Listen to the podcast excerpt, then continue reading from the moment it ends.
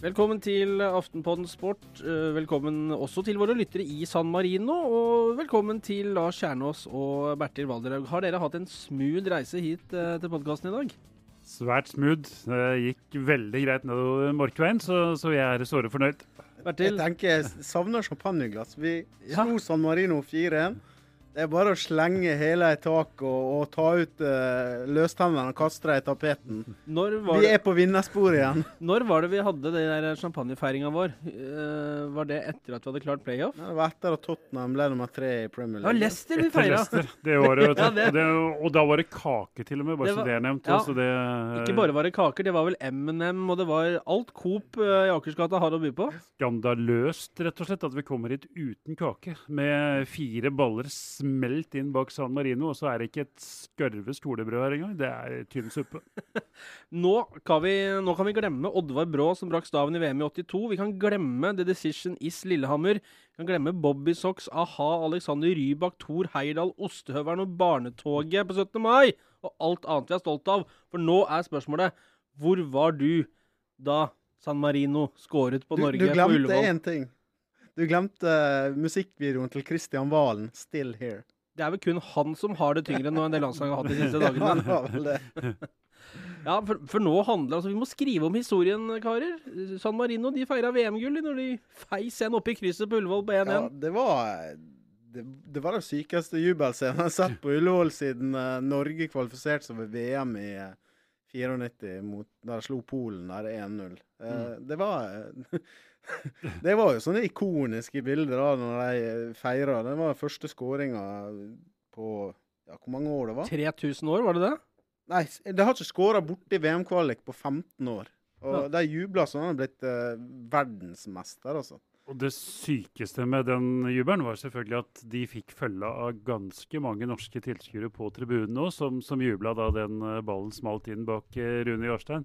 Det er, eh, det er litt verre å forstå Ja. Enn at eh, San Marino feirer det som eh, julaften og nasjonaldag på en gang. Ble hjemme hos meg, som, eh, vi først hadde kost oss med Vålerengen mot Storhamar på Jordal Amfi. Så tok vi fatt på selve indrefileten Norge-San Marino. Det ble jubel i stua når det var, ble 1-1. Det er jo helt sykt, egentlig. Men så, sånn er det. Sånn har det blitt, som folk sa. Men bare, det vi, vi, Du nevnte Kristian Valen innledningsvis. Fælt med Valen nå, med kryptert samband og skuddsikre vester og sover på skift og skal rømme landet. Det er, er trist. Ja, skal vi snakke om han, eller skal vi snakke om fotball? Vi snakker jo om generell elendighet, og da var det greit å ta med han. Og passe oss, så kan hende vi blir parodiert av han. Så eh, det er vel ingen i Norge som er bedre enn han til å parodiere for. Det må jo eventuelt være du, Flygen. Men Hei, hei! ja, men det er jo, er jo trist, Lars. Ja, ja, visst er det trist. Men det må, jo, det må jo være litt trist for en komiker og at folk ler nesten enda mer av det når du ikke prøver å være morsom enn når du prøver det innimellom. Det er, men eh, god bedring. Det er, eh, det er, det er stusslig. Lars, du er jo så gammel at du husker mer faren til Kristian Valen. Ja, ja. Inge Valen. Inge Valen. Fotballdommer, det vel? Ja, og eh, mester med Viking var jo en strålende fotballspiller. En elegant fotballspiller, Inge Valen. Så han husker jeg godt. Nå kommer vi langt ut på viddene her. Ja, Skal vi hanke det litt inn igjen, er det det du mener?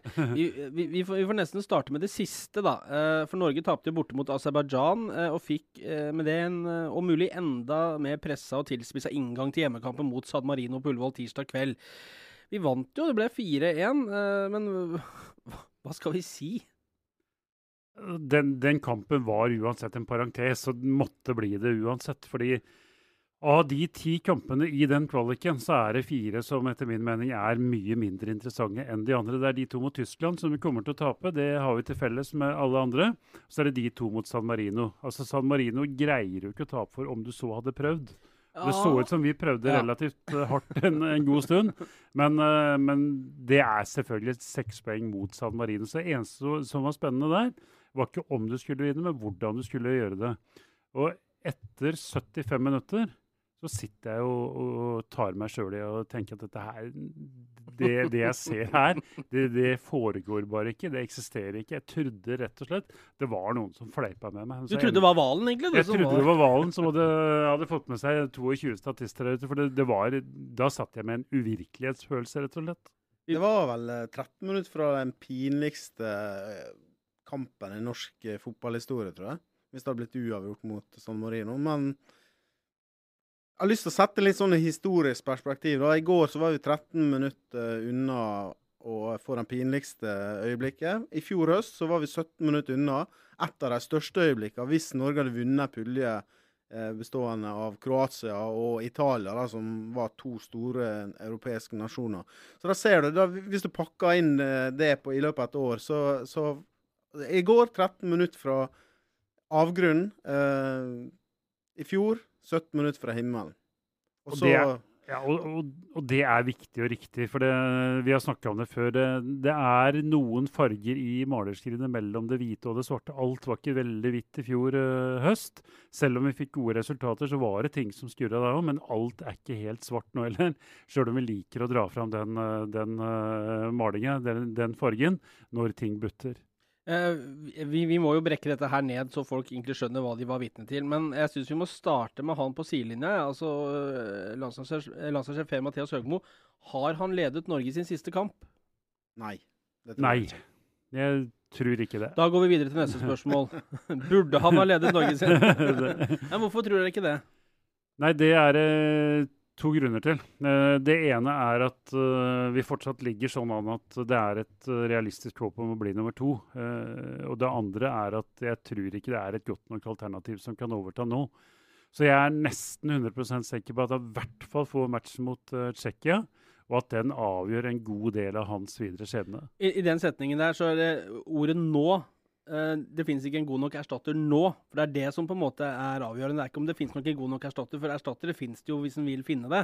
Men det er at det ikke er nå. At det ikke er en ledig nå, liksom. Et, et klokt styre sparker aldri en trener for ting som har vært eh, i seg sjøl. De sparker det fordi de ikke har tro på at framtida blir noe bedre. Og hvis de skal ha tro på at framtida blir noe bedre, så ligger jo det som det viktigste elementet at du har en annen løsning som du tror utgjør en forskjell. Og, og, hvis de har det eh, tilgjengelig, noe jeg ikke tror de har, så vil det selvfølgelig være veldig dårlig nytt for Per-Mathias Høgmo. For da, da, ligger han tynnere an enn hvis det er sånn som jeg regner med at det er, at de ikke har det alternativet klart. Det er dumt hvis Matrisen uh, må ta over. ja, og det er vel tre år siden vi hadde en ganske pinlig affære rundt en trenersparking. Så jeg, jeg, tror det er learning by mistaking eh, på det. Eh, så, men spørsmålet er jo liksom, akkurat som Lars sier, har de troa på et trenerskifte kan utgjøre en forskjell her, og i så fall hva alternativ har de? Eh, også, men den tabellen er jo egentlig ganske rar nå. Hvis Norge skulle slå eh, Tsjekkia 11.11, så er plutselig Norge da i førersetet til å kunne ta den andreplassen som vi er realistisk eh, har snakka om at skal kunne være realistisk. For Tyskland vinner jo alle sine kamper.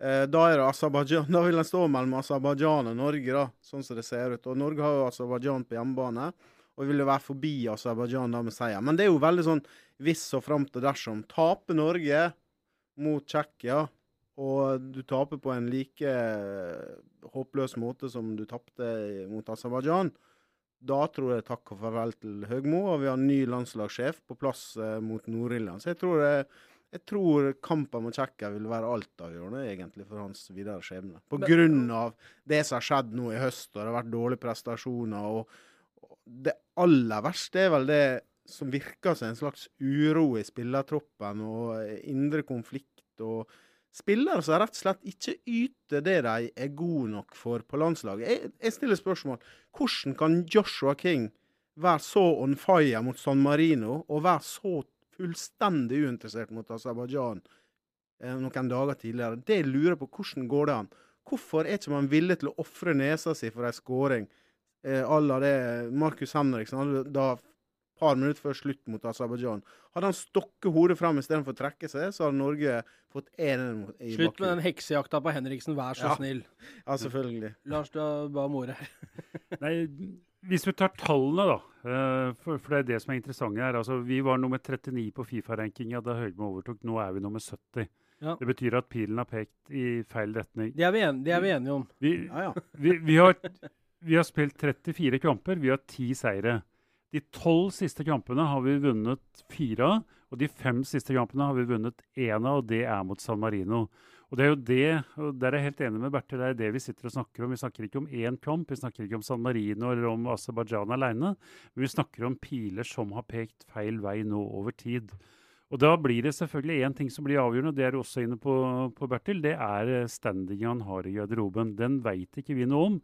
Det vi registrerer, er at det er uh, altfor mange som, som, går ut og lager tull og bråk i media nå. Og så registrerer vi samtidig at de selvfølgelig sier det de må si om treneren, at han har full tillit osv. Men hvordan det er reelt, det blir jo da opp til forbundsstyret virkelig å ta, ta fatt i og, ta, og, få greie på.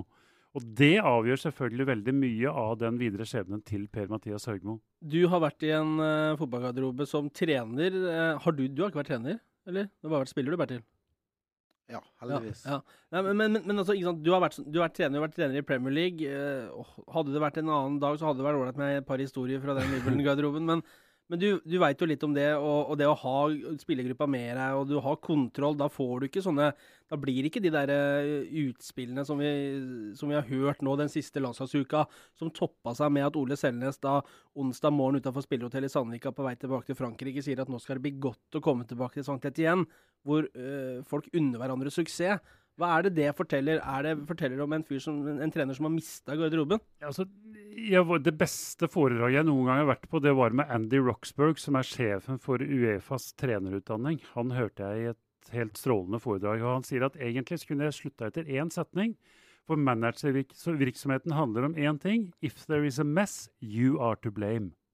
Og det har jeg kommet til å tenke litt på de siste dagene. Altså, det er eh, alle de dumme utspillene som har kommet, hvor folk skyter på hverandre, skyter på media, skyter på publikum osv. I bunn og grunn så handler det om én ting for meg. Det er et ledelsesansvar å stoppe det. Det skal ikke utafor garderoben. Mye av det som er kommet nå, det er 'if there is a mess, you are to blame'. Altså, jeg, jeg kommer igjen tilbake til den, sjøl om jeg kan ikke klandre Per-Mathias Høgman kan ikke sitte på skulderen til folk som snakker eller får en mikrofon stikke, opp under seg. Men det forteller om en, en ukultur synes jeg, som har fått lov til å bre seg nå den siste tida, som jeg ikke syns kler et vinnende lag. Sånn skal ikke et vinnende lag opptre, som de norske landslagsgutta, eller noen av dem, har opptrådt den siste tida. Enig, Bertil? Ja, og det, det, er jo det som er Når du er landslagstrener, så har du Altså, Norge har 40 spillere som omtrent på samme nivå. Så han har bytta ut eh, 14 mann der og satt inn 14 nye, så er ikke det, er ikke sikker på om Norge har blitt spesielt mye dårligere. Og der har jo han en mulighet som landslagssjef som da andre eh, trenere ikke har. Han kan vrake åtte mann hvis han syns at de forsurer miljøet, mm. og ta inn åtte nye. Det kan han gjøre. Det kan ikke en eh, trener i Vålerenga eller en trener i Strømsgodset gjøre fordi da har ikke han flere spillere igjen. Men en landslagstrener du, du være, Skal du spille på landslag, så må du være villig til å blø for drakta og ofre det for hverandre utpå der. Og det, det som skjedde etter kampen mot Aserbajdsjan, der eh, noen trøndere slenger meldinger som oppfattes som dritt for dem som mottar det fra Oslo øst, og så kommer det returball fra Oslo øst, så blir det nesten sånn trønderbataljon mot Oslo øst. og det jeg trodde det var bare i, i skisporet man kunne ha. Men no, jeg, jeg, syns det, jeg syns det er trist å, å bivåne fra utsida. Nå har ikke jeg vært en del av det landslagsjobbinga uh, siste uka, så jeg har bare lest det og sett intervju på TV og sånt. Men der, ut fra det som jeg eh, ser der, så er det Jeg syns jo det er betenkelig og trist hvis det er sånn at du har isfronter innad miljøet. Hvordan, Som trener for Høgmo altså Vi må bare ta for gitt at han også fanger opp og får med seg Har jo mediefolk rundt seg. Eh, de har mediemøter hver dag, eh, diskuterer, og de alltid på en måte vet hva som står og vet hva som kommer. Men hvordan som trener fanger du opp, og hva tenker du, og hva gjør du når du får sitater og uttalelser som har kommet, spesielt etter Aserbajdsjan? Hvordan tar man tak i det og på en måte får lagt det dødt og, og sånn? Du, det første og eneste og viktigste du, du, gjør, er selvfølgelig å sette en helt krystallklar standard på hva som ikke skal snakkes om. Du snakker ikke om andre folk på laget ditt. I hvert fall ikke nedsettende toner. Det er, det er basta. altså Det tas internt innafor garderoben. Jeg, jeg satt og tenkte på Hadde Selnes sagt det han sa i et klubblag med en indre justis og sterke ledere. Han sagt det i Wimbledon f.eks. I, i den tida der. sånn. Mm. Han hadde vært skada i, i, seks uker etterpå på, på, første trening. Jo, men, men altså helt, helt ærlig. Mm. Du, du, du, gjør bare ikke det. Eh, altså du Nå veit jeg ikke hvor ille det er, men det er i hvert fall ille nok til at det ble oppfatta sånn som Bertil sier. Det ble Mm. oppfatta sånn av spissen at han har sagt at dere duger ikke foran mål. Og da har du uansett uttalt deg på en måte som skaper deg splid. Og den justisen der er opp til treneren å slå krystallklart fast at det gjør det bare ikke. Men ikke bare han, da. Og det syns også at det er et ledelsesproblem i den spillergruppa, som da skal sette Ole Selnes på plass. Og som skal sørge for at den ballen mellom han og King og Diomande, som går på om spissene er gode nok eller om de ikke får nok hjelp, at den legges død en gang for alle. Det er trener, en treneroppgave, men han skal ha hjelp av ledere i gruppa si. Han har en, eh, en landslagskaptein, Per Siljan Skjelbred, som, eh, som har benyttet benytter jo stort sett muligheten han får til å skyte på pressen og skylde på pressen eh, for at alt som er gærent. Eh, og før San Marino-matchen eh, så var han med Høgmo på pressekonferansen, eh, hvor han fikk spørsmål av TV 2 om hvordan han oppfatta at det skal være en indre uro i troppen. Og han svarte med å legge hånda foran ansiktet og nesten hånflire, og hvor idiotisk det var, det spørsmålet. Og si at dette var avisene som vrei på ting, og de skulle ha klikk, og nærmest eh, satte seg på sin høye hest og, og latterliggjorde oss andre.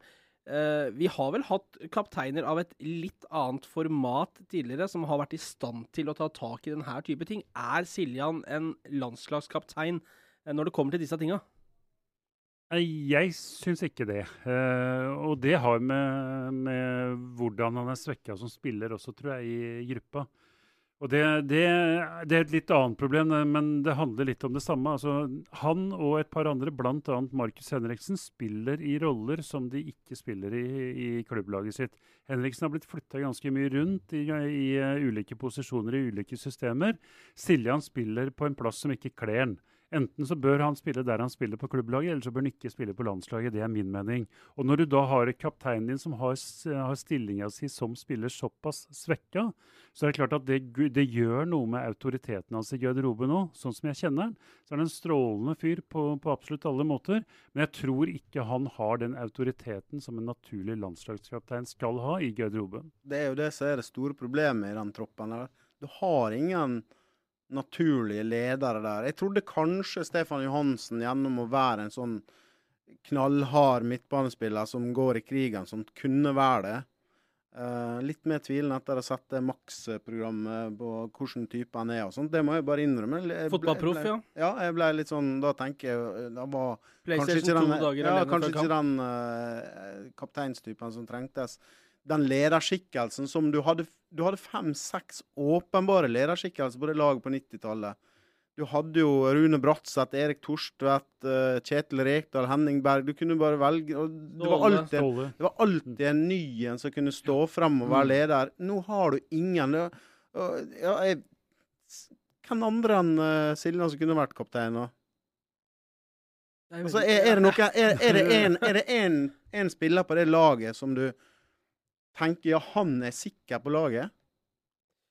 Det er jo ikke det. Nei, det, nei vi har vært inne på det før. Du kan bytte i hvert fall ni, da, eller ti, ja. kanskje til og med alle. alle Eneste er sikker, som jeg mener er sikker på laget nå, det er Alsame. Han har hatt ja. to bra landskamper, og du har ikke flust med valg på venstre bekken. Men kanskje, kanskje King kunne vært det på sikt? Nei, jeg tror ikke han har stemninga internt i landslagsmiljøet på, på å kunne være lagkaptein. Nei. Nei. Men, men, men etter 90-tallsgenerasjonen så hadde du en Brede Hangeland som vi, som vi var bortskjemt med i uh, 90 landskamper, var det ikke det, eller noe sånt han fikk til slutt? Uh, som var en naturlig hærfører som folk ikke bare var fysisk svær, så det var greit å måle seg inne med, men han var på en måte Han snakka, da var det jo sånn Ja, når Brede sier det, da, da er det jo sånn, da. Ja. Altså, du, alle lag som har suksess, har et naturlig hierarki. Eh, hvor treneren er generalen, på en måte. Kapteinen er oberst. Ready to pop the question? The jewelers at BlueNile.com have got sparkle down to a science with beautiful lab-grown diamonds worthy of your most brilliant moments. Their lab-grown diamonds are independently graded and guaranteed identical to natural diamonds, and they're ready to ship to your door. Go to Bluenile.com and use promo code LISTEN to get $50 off your purchase of $500 or more. That's code LISTEN at Bluenile.com for $50 off. Bluenile.com code LISTEN. Hey, I'm Ryan Reynolds. Recently, I asked Mint Mobile's legal team if big wireless companies are allowed to raise prices due to inflation. They said yes. And then when I asked if raising prices technically violates those onerous two year contracts, they said, What the f are you talking about, you insane Hollywood ass? F- So to recap, we're cutting the price of Mint Unlimited from $30 a month to just $15 a month. Give it a try at mintmobile.com slash switch. $45 upfront for three months plus taxes and fees. Promo rate for new customers for limited time. Unlimited more than 40 gigabytes per month. Slows. Full terms at mintmobile.com.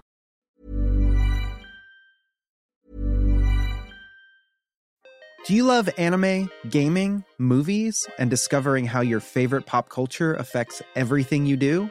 Then join us on Crunchyroll Presents The Anime Effect. I'm Nick Friedman. I'm Lee Alec Murray. And I'm Leah President.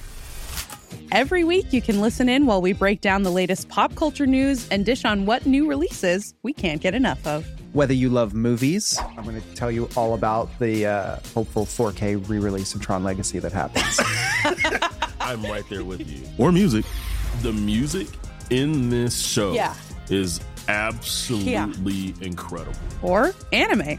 And under this mask is another mask. you can discover your new favorites right here on The Anime Effect. Listen every Friday wherever you get your podcast and watch full video episodes on Crunchyroll or on the Crunchyroll YouTube channel.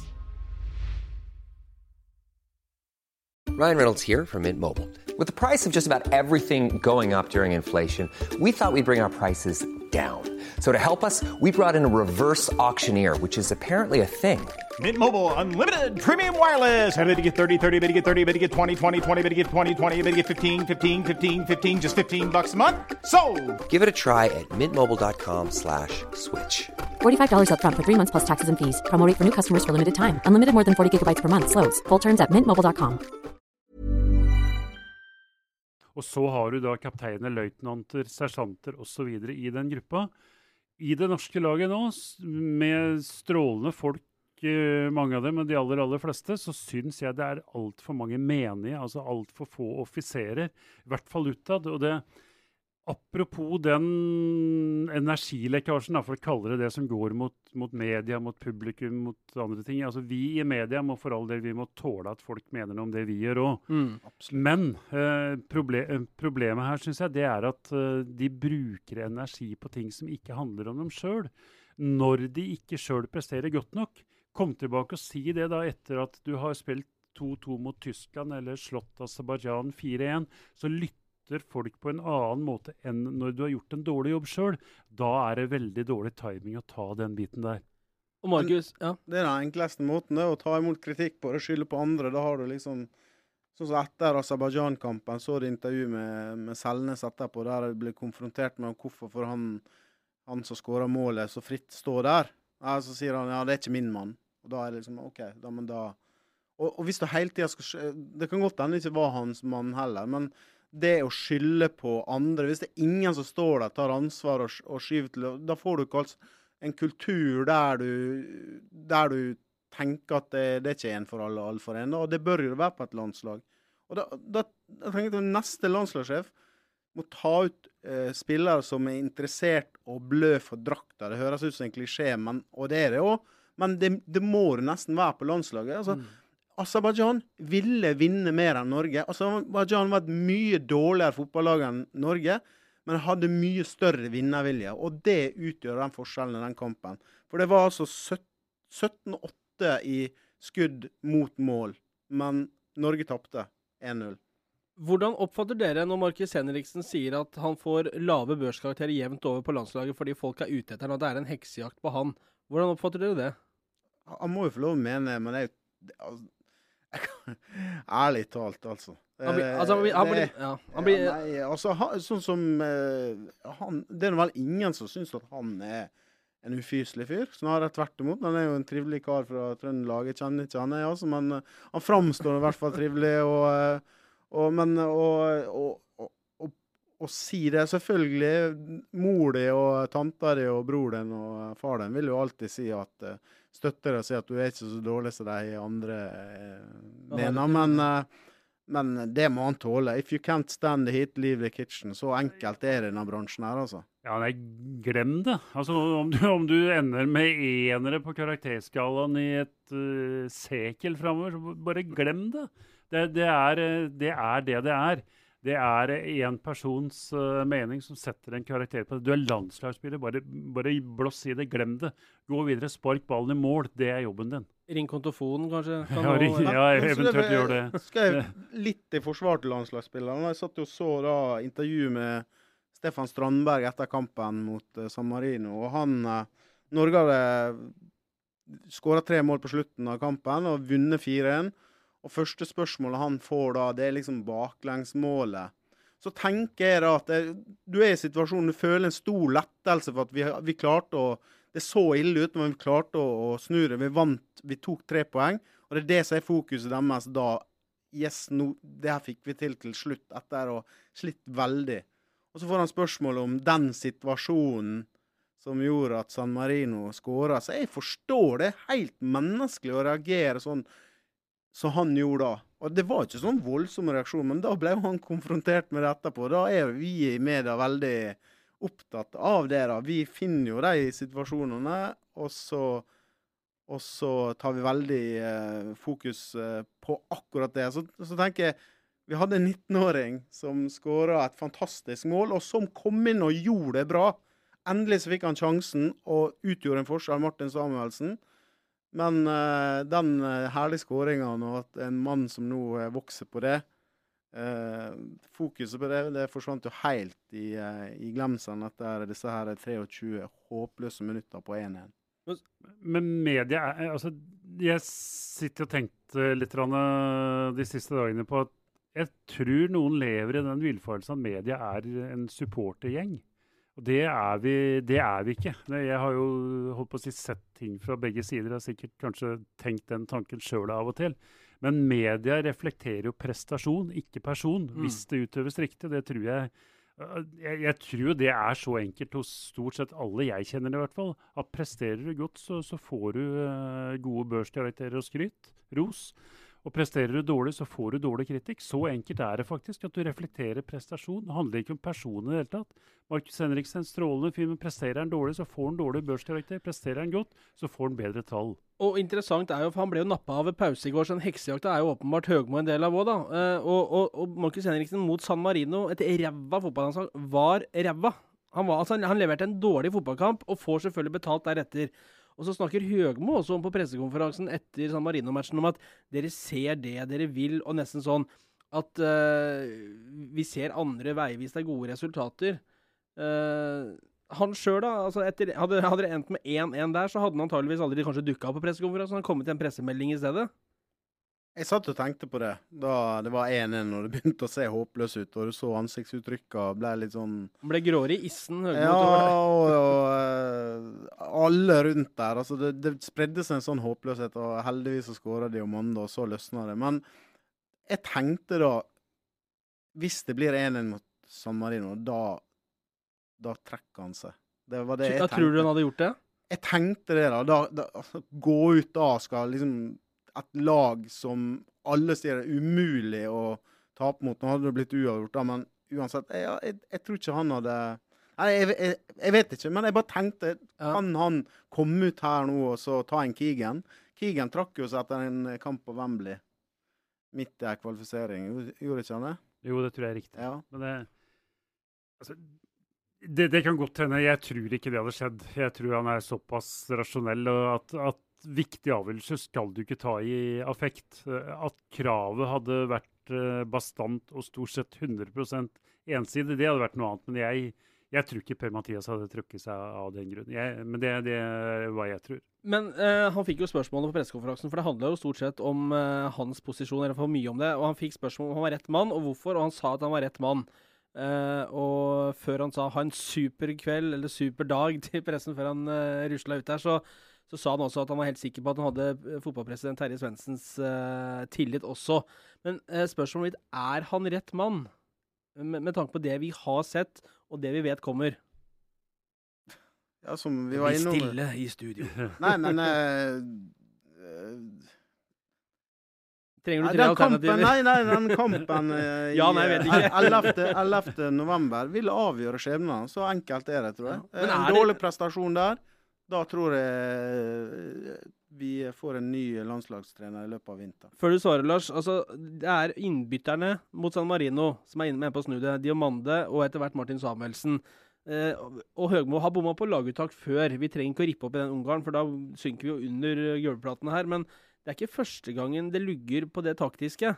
Nei, øh, jeg, jeg skal være øh, veldig klar og konkret. Jeg har mista troa på prosjekt uh, Høgmo. Jeg syns pilene har pekt feil vei for lenge. Så med det jeg sa innledningsvis, hvis, hvis eller når de har en erstatter på plass som de uh, tror kan utgjøre en forskjell, så ønsker jeg meg et bytte. Jeg skal være så klar som det.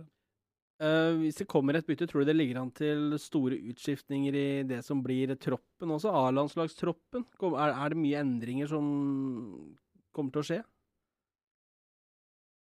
Jeg tror ikke det er avgjørende. Uh, Nei, men er det, det- er det litt sånn at det er liksom er viktig å få satt, fått, fått en ny tropp og Hvis det kommer et skifte, så tror jeg det kommer veldig an på, på hvem som eh, kommer. Kommer det en norsk inn som kjenner spillemateriellet, så tror jeg det kan bli en del skifter. For da, da har du selvfølgelig blinka det ut på hvem som er spennende.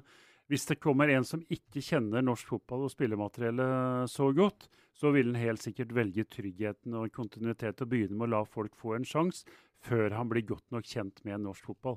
Men uh, jeg, altså, nå, nå snakker vi hypoteser, for det, jeg, jeg er nesten helt sikker på at det ikke skjer noe nå. Og jeg håper jo eh, inderlig at vi slår Tsjekkia. Og slår vi Tsjekkia, så tror jeg at det selvfølgelig styrker eh, Per-Mathias Høgmos sjanser til å bli med videre. Eh, det er det jeg tror. Jeg, jeg sa i stad hva, hva jeg mener om, om hvem eh, og hva. Men sånn, sånn blir det. For såpass enkle er fotballedere at slår vi nå Tsjekkia, og vi ligger an til å bli nummer to, så kommer ikke noe til å skje med trenerspørsmålet før neste år. Det er helt overbevist om. Det er varsla en evaluering, da, som ble sagt på flyplassen i Baku der av Terje Svendsen. Som sa skulle ta en fot i bakken, eh, som vel ble brukt. Eh, den evalueringa, har du tro på at den blir nådeløst knallhard og Det var jo en slags offentlig henrettelse av Høgmo, eh, det å si det. For det, han, han kan jo bare si at han har vår fulle tillit. Og sånne, Jeg hørte Rekdal sa på uh, Max-studio akkurat det som jeg sier nå, at uh, sånne oppgjør eller sånne prater man skal ha med ledere, det, det trenger ikke man å fortelle til Gud og hvermann på en flyplass et par timer etter kampslutt. Da har du på en måte sagt at han ikke har den tilliten som er nødvendig. Og det, det syns jeg er dårlig lederskap. Han skulle bare sagt at eh, vi, eh, vi evaluerer fortløpende. Per-Mathias Høgmo har vår fulle tillit. Og det har en fotballtrener inntil han har fått sparken. Men her gir han da media sjansen til å begynne å eh, grafse i og gjøre arbeidsforholdene selvfølgelig vanskeligere for Per-Mathias Høgmo. Om det ikke var vanskelig nok fra før av. Og det var en veldig sliten og pressa mann som gikk ut av pressekonferansen eh, på Ullevål. Jeg så han var prega, altså. Det er selvfølgelig tøft for han. Nesten Da tenkte jeg nå, nå, trenger han noen uker pause, for det, det kjøret der, det er men, men det er litt sånn som jeg sa i sted. Det er, vil du være med på det, så må du takle, takle det presset der. Jeg har jo lyst til å rose den litt òg, fordi jeg, jeg syns jo på den pressekonferansen dagen etter Aserbajdsjan-kampen Vi kan snakke om smooth hjemreise og alt mulig sånn, men, men han framsto med energi og offensivitet. eh, Og der syns jeg han viste et eh, godt eksempel på god ledelse. For det, det, du har ikke tid til å være skuffa et døgn etter forrige kamp når du har en ny kamp to dager seinere. Og Der syns jeg Per-Mathias sto fram som en god leder, tross alt på den pressekonferansen. Men jeg er helt enig, Bertil. altså som styreleder så har du egentlig bare én jobb å formidle. Det er at du har enten 100% eller 0% tillit til treneren din, og du har 100% helt til du har null. Eh, Det er jo litt sånn når du spiller eh, det her eh, managerspillet på PC-en, Football Manager, eller CM i gamle dager, da, for vi som er oppe i åra. Når det kom melding sånn midt ute i spillet at du har full tillit fra styret, da gikk det en match, og da var du ferdig. Det var Uansett så var det akkurat det samme. Ja, ja. Ja, men det er jo helt Ja. Men, men uh, tilbake til Høgmo igjen. Jeg har ikke plata. Men han har vært bra i media siste uka. Det har han. Vi har, fått mye kritikk tidligere for at han har vært for positiv. og alt sånt. Jeg syns at han har vært bra. Han har framstått offensiv mellomkamper før, før kamp. Eh, og etterpå så har han sagt det sånn som det er. Jeg skjønner jo at uh, han måtte jo fokusere i går på at de klarte det på slutten. Og alle sa jo også på forhånd mot uh, San Marino så vil, vil det åpne seg på slutten. Og det gjorde det mot Nord-Irland, da Nord-Irland skåra første mål etter 80 minutter. Og så skåra Norge tre på slutten i går. San Marino ligger med ti mann inne i egen 16-meter i, eh, i eh, 90 minutter. Så, så blir de slitne når de tar på. Vi spilte mot butikkmedarbeidere, bakere, elektrikere og studenter. Altså. Og folk fikk ikke fri fra jobben for å spille Nei match! da. Nei, nei. Presselandslaget hadde jo slått dette laget der. Oi, oi, oi, nå eh, tar du Hei, hei. Det bør vi forresten få innført igjen. Presselandslaget. Vi bør, Ja. vi bør, eh, her bør vi jo få sjansen. Nå har vi vært ganske krasse over en Ja. eh, viss periode. Da må Ja. vi jo få vite at vi, vise at vi duger òg. Eh, fotballgolf i Lier kan være et fint sted å starte. For Ja, eksempel, eller- men gj- gjeninnfør pressematchen. Vi tar utfordringa. Det er en liten appell til NFF der, altså. og San Marino any day of the week. Uh, men det er jo ikke bare elendighet. Uh, for vi har et U21-landslag som har sikra seg playoff uh, til EM 2017, er det vel, i Polen? Det er riktig. Uh, slo altså Kasakhstan, et, et annet stan, langt vekk i stan, eh, 3-0 borte.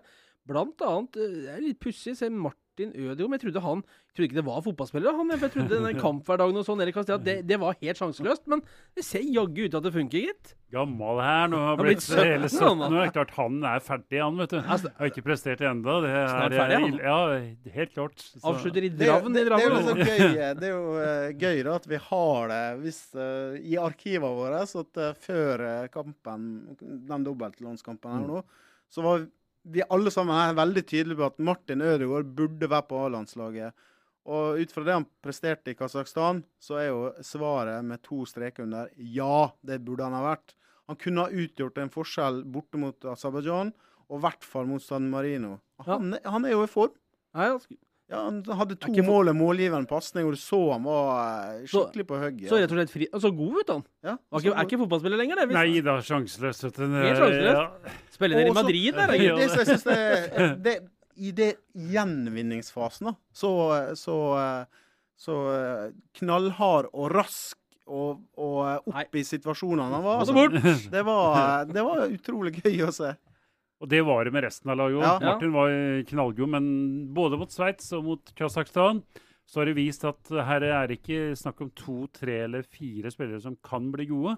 Men det er nesten et helt lag med muligheten til å bli gode. Så ja, det, det ser spennende ut med neste generasjon på vei opp. Det gjør det absolutt. Ja, det- Men det er litt vel mange like spillertyper der, så det et lag må jo bestå av litt, eh, litt mer muskler. og Ja. Kan ikke bare ha sånne lettbeinte teknikere. Jeg så folk begynte å snakke om Azar Karadas, at de savna han eh, har som en mulig joker på norske A-landslaget. Men med, med all respekt, Lars, men de er vel ikke inne for å eh, hanke inn i en Azar Karadas på A-landslaget? Nei, det Men jeg det er- jeg, jeg skjønner poenget. Ja, ja. Men, Men, ja.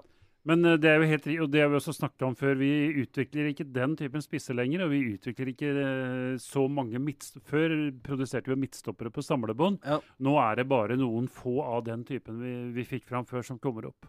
Uh, om det er en trøst, kanskje en mager en, så er det ikke bare Høgmo som sliter. Det gjør òg Åge Hareide. Danmark står med to tap på sine to første kvalikmatcher.